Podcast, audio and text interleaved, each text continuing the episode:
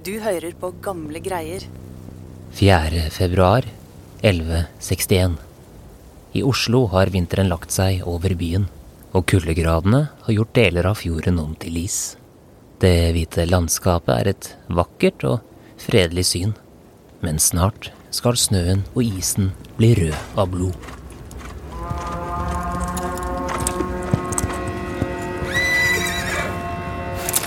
For nå står det to væpnede styrker på hver sin side av det islagte vannet, klare til å gå til kamp. På den ene siden står kong Inge Krokrygg. Han er i slutten av 20-årene. På den andre siden står hans nevø Håkon Herdebrei. Han er rundt 15 år.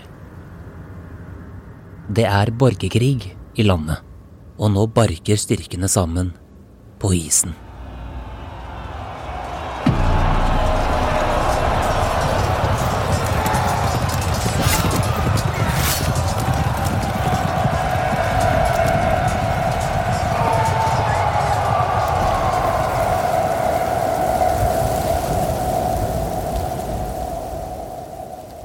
Kong Inges hær blir knust. Kongen selv ligger såret ute på isen og vet at han snart skal dø. Så bøyer det en skikkelse seg over han, som vil fullbyrde sitt løfte til den døende kongen.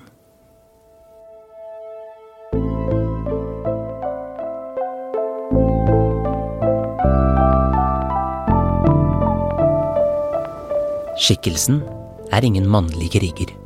Det er en kvinne, iført en lang kjortel. Hun heter Kristin Sigurdsdatter. Kristin holder rundt den sårede kongen og pleier han til han trekker sitt siste pust. Så sørger hun for at liket blir gravlagt i Halvardskatedralen. Løftet er fullbyrdet. I flere tiår har hun mistet så mange nære og allierte i dette landet, hvor maktkamp og lidelse rår.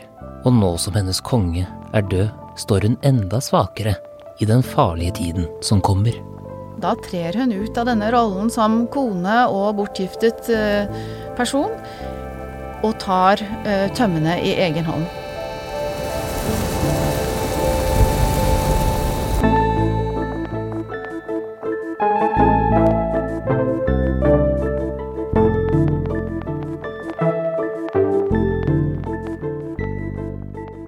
Velkommen til Gamle greier.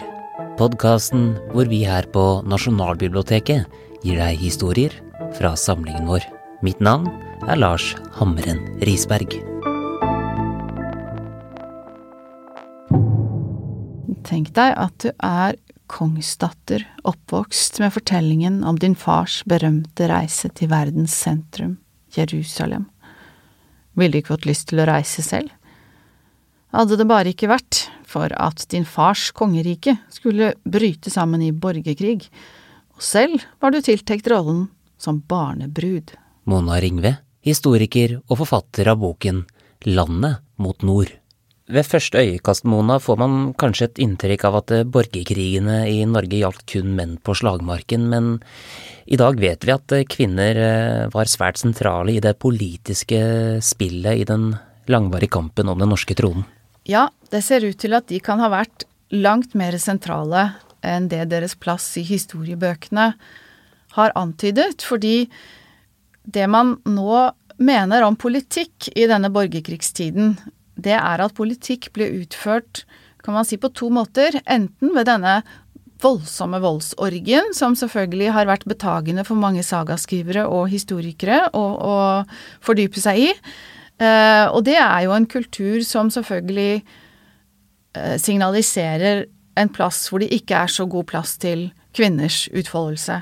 Men nå er man også opptatt av at politikk ble utformet på en annen måte, parallelt, ved alliansebygging. Og alliansebyggingen, den innebar giftermålsstrategier. Og her viser det seg, i hvert fall i Norden, at det er en liten klan av kvinner som driver med giftermålspolitikk over flere tiår. Og denne klanen av kvinner, de er i Kristin Sigurdsdatters slekt. Og hvis vi skal forstå hvorfor Kristin ble en så viktig person under borgerkrigstiden i Norge, så mener du at vi først må høre om hvem Kristins far, Sigurd Jorsalfaret, var, og hans korstog til Det hellige land. Hvorfor er dette så viktig?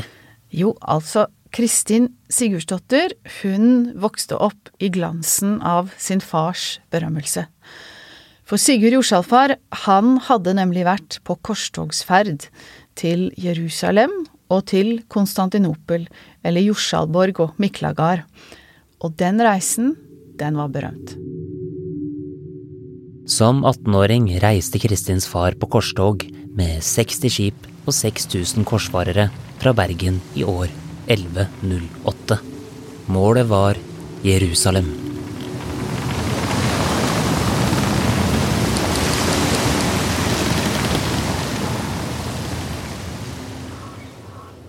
To år senere var Sigurd endelig i Det hellige land.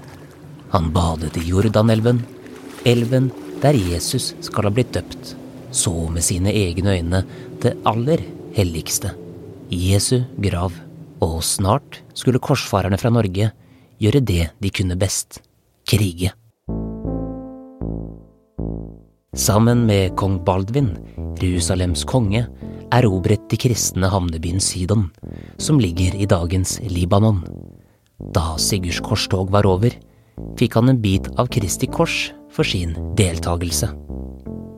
Mens reisen til Det hellige land hadde foregått til sjøs, skulle reisen tilbake til Norge foregå på land. På veien stoppet de innom Miklagard, også kjent som Konstantinopel, en av de største byene i verden på denne tiden, hvor de gjestet keiseren.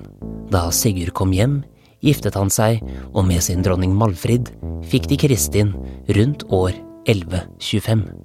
En ektefødt kongsdatter som skulle vokse opp i et kongerike hvor freden hersket. Men da alt virket så stabilt, forandret kong Sigurd seg til det ugjenkjennelige.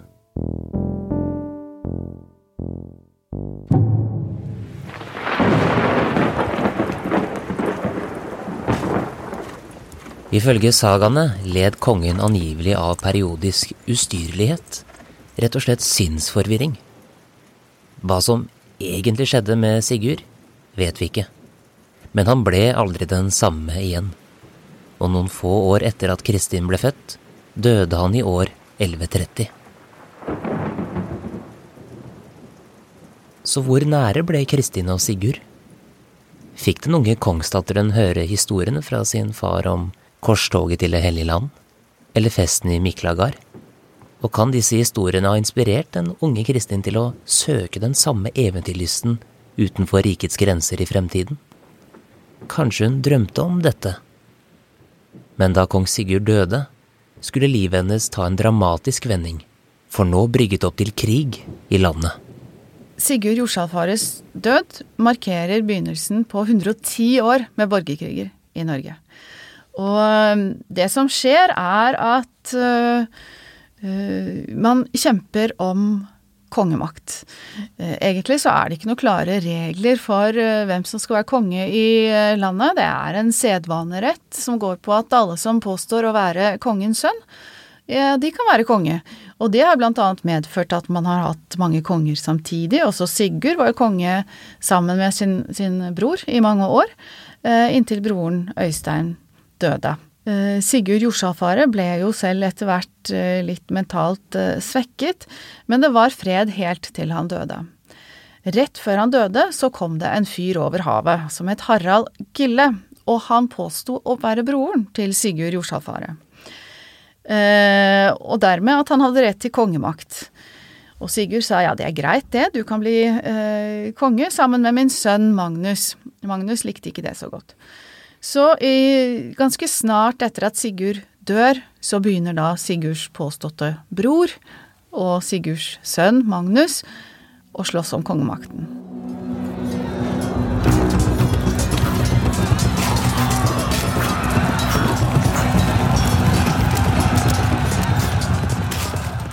Og det fortsatte med eh, en urolig eh, samkongedømmesituasjon, hvor stadig nye personer mente å være sønn av ulike konger. Eh, og så styrte de sammen noen år, kanskje disse halvbrødre eller onkel og nevø og hva det nå var, eh, før de endte opp med å som regel drepe hverandre én etter én, helt til det bare var én igjen. Eh, og så kom det nye. Det ga seg simpelthen ikke.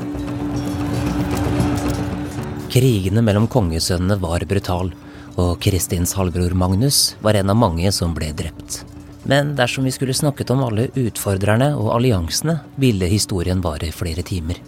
Så vi skal kun forholde oss til Kristin og hennes krets i denne episoden om konflikten. En konflikt som var så opprivende at selv 50 år etter kong Sigurds død nektet historikeren til Doris Munch å skildre grusomhetene. Uverdig ville det være å gi videre til etterslekten minne om alle de forbrytelser, drap, falske eder og frendemord, krenkinger av hellige steder, gudsbespottelser, kvinnerov og andre udåder, for mange til å regnes opp her, som da fant sted.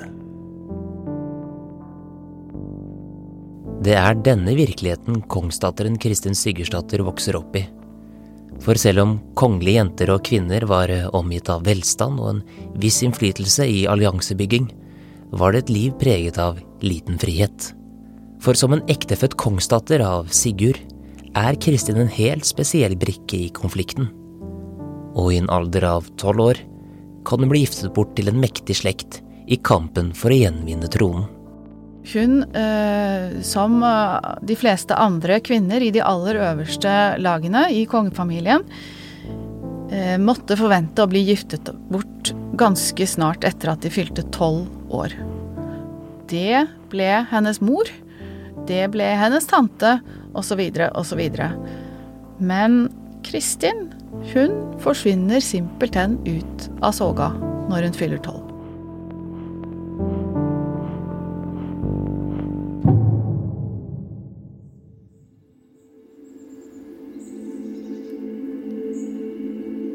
Det skulle gå flere år før Kristin ble giftet bort, som kvinne i midten av 20-årene på starten av 1150-tallet. Så hva skjedde i alle disse årene før dette? To år etter kong Sigurds død giftet Kristin mor seg på nytt med mannen som senere ble Danmarks konge. Det er mulig at Kristin bodde i Danmark før hun etter hvert kom tilbake til Norge etter morens død, rundt år 1140. Da hun kom tilbake til Norge, fikk hun angivelig en sønn med kong Inge Krokrigs halvbror, men i dag er man veldig usikker om denne historien stemmer. Det som er mer sikkert, er at Kristin ble en del av den indre kretsen til Inge Krokrig, og at hun og Inge skulle bli alliansepartnere i årene som kom.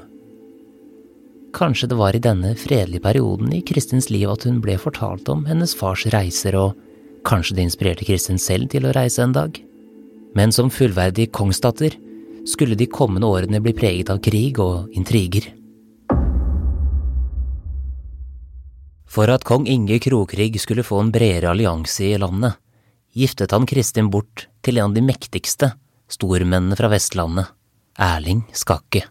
Ved dette giftermålet så ble Kristin Sigurdsdatter giftet inn i den innerste kretsen rundt kongemakten.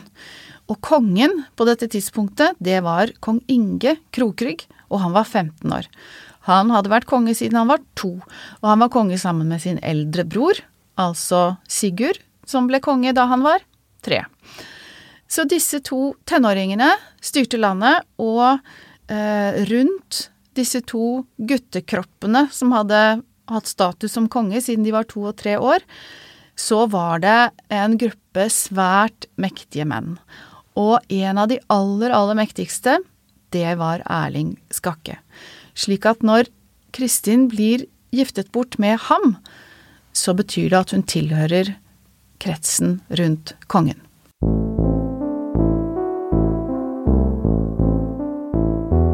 Nå som Kristin var gift med Erling Skakke, tok hun en mer aktiv rolle i borgerkrigene etter at hun og Erling fikk blant annet sønnen Magnus, som en dag kunne bli landets konge.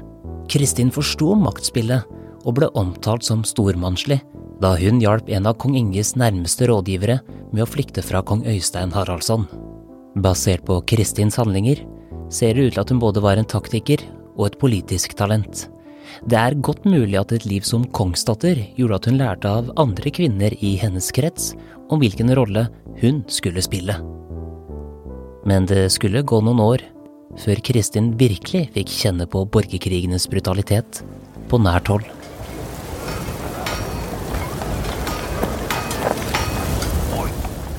Året er 1161. Det er vinter, og Kristin befinner seg i Oslo sammen med Inge Krokrygg, som har blitt enekong i landet. Kristin skulle egentlig delta i et bryllup, men når nyheten om at Inges rival, Håkon Herdebrei, nærmer seg byen med sin hær, vil Kristin komme seg vekk. Som kvinne og alliert med kong Inge var Oslo et potensielt farlig sted å oppholde seg for henne. Men akkurat når hun er i ferd med å reise, ber Inge Kristin om en tjeneste hun ikke kan si nei til. Kong Inge får stoppet henne og sier nei, bli. Um, jeg trenger deg.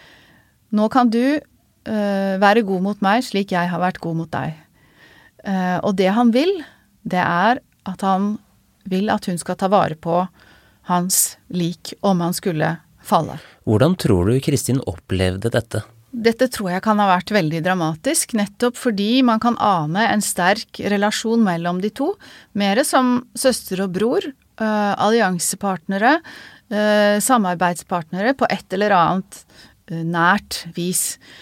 Så når kong Inge dør, som da er en konge i viss krets hun har vært tilknyttet store deler av sitt liv, så må man jo se for seg at hun har mistet altså grunnfjellet i livet.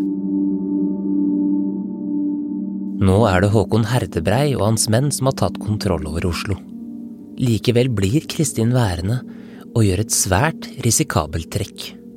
Hun vet på dette tidspunktet at hun har en sønn som kan spilles inn i dette evigvarende borgerkrigslignende spillet om tronen. Og det er hennes fem år gamle sønn Magnus. Ja, det stemmer. Og det hun gjør da, da trer hun ut av denne rollen som kone og bortgiftet eh, person, og tar eh, tømmene i egen hånd. Og i dette kan vi jo legge eh, en god del. Her er det taktikkeri på spill, eller i, satt i spill, og noe skal skje i kampen om kongemakten. Etter slaget brukte Håkon Herdebrei og hans menn Halvardskatedralen til å holde møter for å planlegge veien videre. De trodde de var alene, men der tok de feil. For på galleriet satt en ubuden gjest og hørte hvert eneste ord som ble sagt. Men hvordan i alle dager hadde han kommet seg inn uten å bli oppdaget? Det var på grunn av taktikeren Kristin. Før møtet bestakk hun nemlig en prest som ga nøklene til Kristins spion. Nå ble Håkon Herdebreis plan avslørt, og nå begynte kampen for å få hennes sønn Magnus på tronen. Erling Skakke handlet raskt og fikk samlet nok støtte til deres sønn Magnus.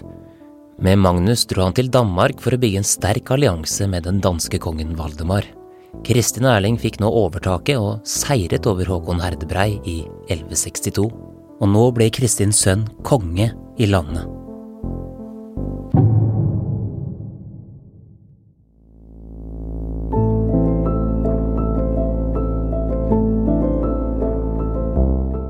Kroningen av Magnus var en historisk begivenhet. Nå var det bare kongens eldste ektefødte sønn som kunne bli konge. Historien burde egentlig ha endt her. Kongsdatteren som fikk se sin sønn ta tilbake tronen som hans bestefar satt på før borgerkrigstiden brøt ut. Men nok en gang var det fare for krig. Og denne gangen kom trusselen fra Danmark. Erling Skakke hadde jo inngått noen avtaler her og der, eh, og disse brøt han. Så den danske kong eh, Valdemar hadde blitt lovet overherredømme over visse områder i, i landet, og her så det ut til at Erling Skakke hadde ombestemt seg. Så da oppsto det atter en gang, til tross for den alliansen med kirken, og at denne lille Magnus etter hvert til og med hadde blitt kronet av kirken, um, så oppsto det trusler om ny uro. Og da dro Kristin Sigurdsdatter ned til Danmark, til kong Valdemar, som da tross alt også var hennes fetter, for å megle. Men det som var mer forunderlig, det var at Kristin slo seg ned i Danmark en stund. Hun dro aldri tilbake til Norge.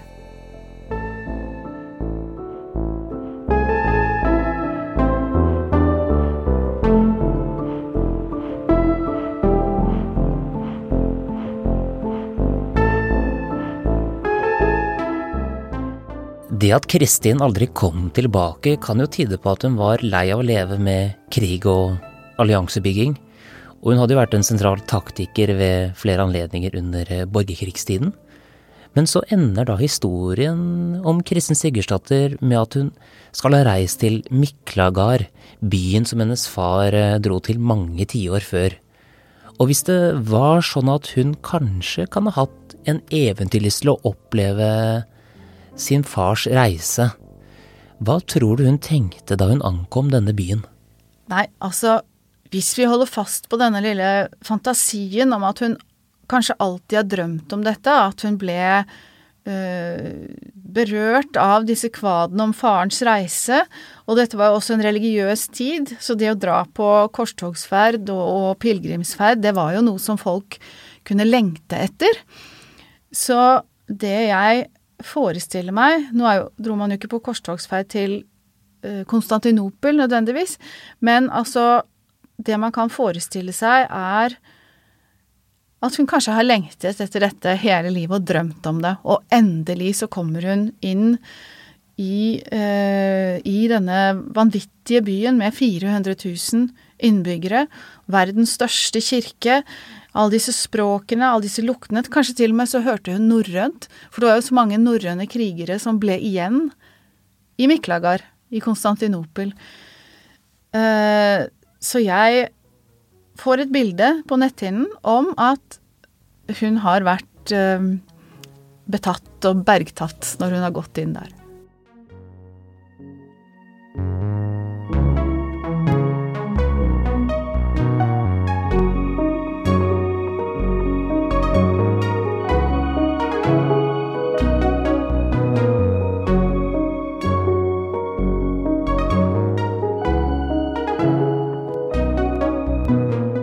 Hvis du fikk lyst til å vite mer om borgerkrigstiden, så finner du Snorres kongesagaer i samlingen vår på nb.no. Og dersom du vil lese mer om Kristins far, så kan du også sjekke ut boken Jakten på Sigurd Jorsalfaret av Øystein Morten. Den ligger også i samlingen. Musikken du hørte i denne episoden, og som du hører akkurat nå, er skrevet og produsert av Therese Aune. Du kan høre mer av hennes musikk på thereseevne.com eller der du strømmer musikk. Mitt navn er Lars Hamren Risberg. På gjenhør.